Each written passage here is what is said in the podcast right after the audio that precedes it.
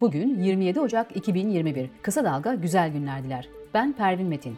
Dünyada ve Türkiye'deki gelişmeleri takip ediyor, Özge Mumcu Aybars'ın editörlüğünde yayına hazırlıyoruz. Kısa Dalga bülteni kısa dalga.net adresinden okuyabilirsiniz. Önce siyasetteki gelişmeler.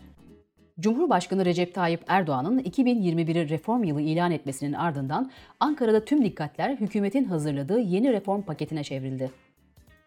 Cumhurbaşkanı Erdoğan, geçen hafta yaptığı konuşmasında paketin kamuoyuna sunulacak aşamaya geldiğini söylemişti. Reform paketi AKP Merkez Yürütme Kurulu'nda değerlendirildikten sonra Cumhurbaşkanı Erdoğan tarafından kamuoyuna açıklanacak. CHP Genel Başkanı Kemal Kılıçdaroğlu, Cumhurbaşkanı Erdoğan'ın CHP'ye yönelik sözlerine yanıt verdi. 19 yıl çarpı 365, tek hedef var CHP. Ne yaptık? Bir şey yaptık. Evet, hatalarını, yolsuzluklarını açıkladık tek tek. Bu bizim hakkımız. AK Parti'nin yapmak istediği önemli bir şeyi biz ne zaman nerede engelledik? Yok böyle bir şey ifadelerini kullandı. Avrupa İnsan Hakları Mahkemesi'nin tahliye edilsin kararına rağmen tutuklu olan HDP eski Genel Başkanı Selahattin Demirtaş'ın avukatları gazetecilere bir mektup gönderdi. Mektupta Kobani iddianamesindeki suçlamalara 20 ayrı başlıkla yanıt verdi. Avukatlar dosyadaki gizli tanığın aslında olmadığını ve suçlamalara konu olan tweetlerin atıldığı Twitter hesabının sahte olduğunu belirtti.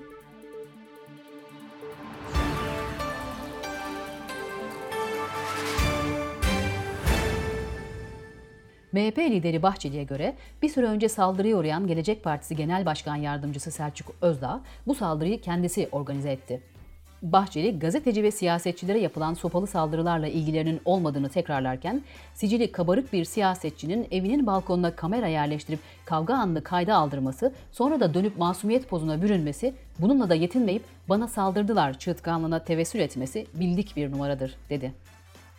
Selçuk Özdağ ise Bahçeli hakkında suç duyurusunda bulunacağını söyledi. Özdağ, milletimizin aklıyla alay etmesinler. Bahçeli iddiasını ispatlamakla mükelleftir. İspat edemeyen müfteridir, dedi. İstanbul Büyükşehir Belediyesi'nden 15 milyon liralık avukatlık ücreti aldığı iddiası tartışma konusu olan Cumhurbaşkanı Erdoğan'ın eski avukatı Mustafa Doğan İnal, Ekrem İmamoğlu'nun imzasıyla azledildi.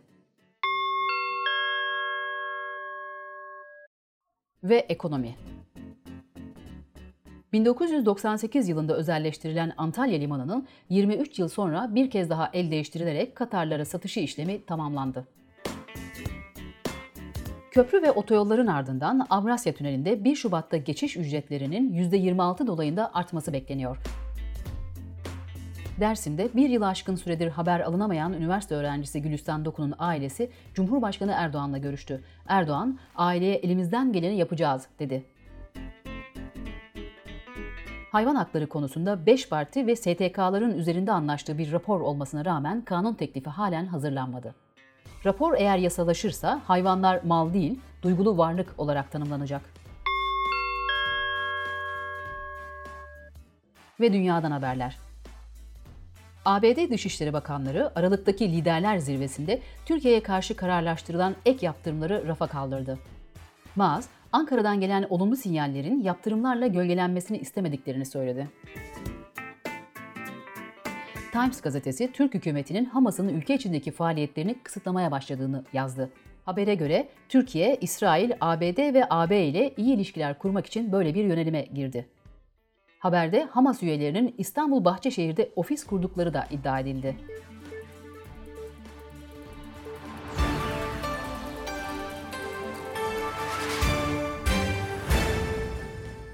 ABD liderliğinde IŞİD'e karşı kurulan Uluslararası Koalisyonun sözcüsü Wayne Marato, Kobani'nin kurtuluş yıl dönümünü kutladı. Twitter'dan Kürtçe ve İngilizce paylaşım yapan Marato, güvenilir ve kabiliyetli bir ortaklık örneği sundukları için Kürtleri tebrik ediyoruz, dedi. İtalya Başbakanı Giuseppe Conte, koalisyon hükümetinin küçük ortaklarından birinin desteğini çekmesinin ardından salı günü istifa edeceğini açıkladı. Estonya'da Kaja Kallas, adaylığının onaylanmasıyla beraber ülkenin ilk kadın başbakanı olarak tarihe geçti. Merkez sağdaki Reform Partisi'nin lideri olan Kallas, öncelikli ilgileneceğimiz şey sağlık krizi dedi. Biden son olarak trans bireylerin ABD ordusuna katılmasını engelleyen kararı iptal etti. COVID-19 haberlerindeyiz.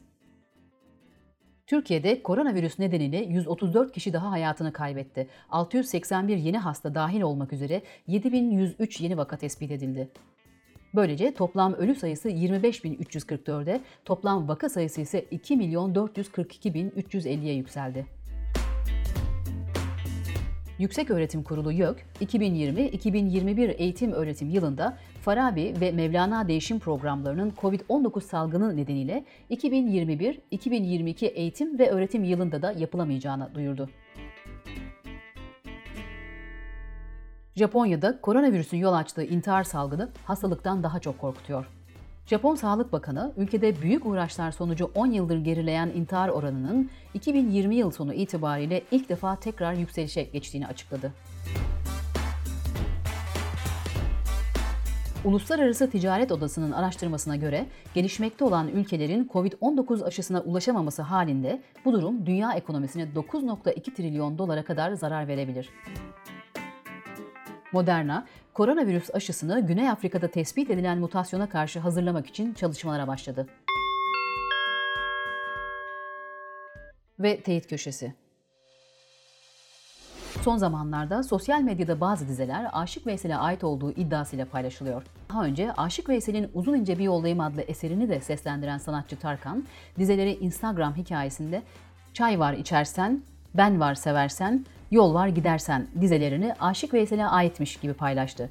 Oysa bu dize Veysel'in hiçbir eserinde geçmiyor. Ve kısa dalgadan bir paylaşım.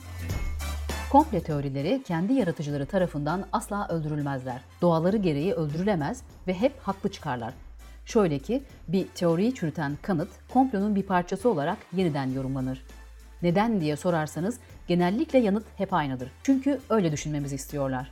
Ahmet Orhan'ın komple teorileri üzerine yazdığı İnsanın Pespaye Hali Komploculuk başlıklı yazısını kısa dalgadan okuyabilirsiniz. Gözünüz kulağınız bizde olsun. Kısa Dalga Medya.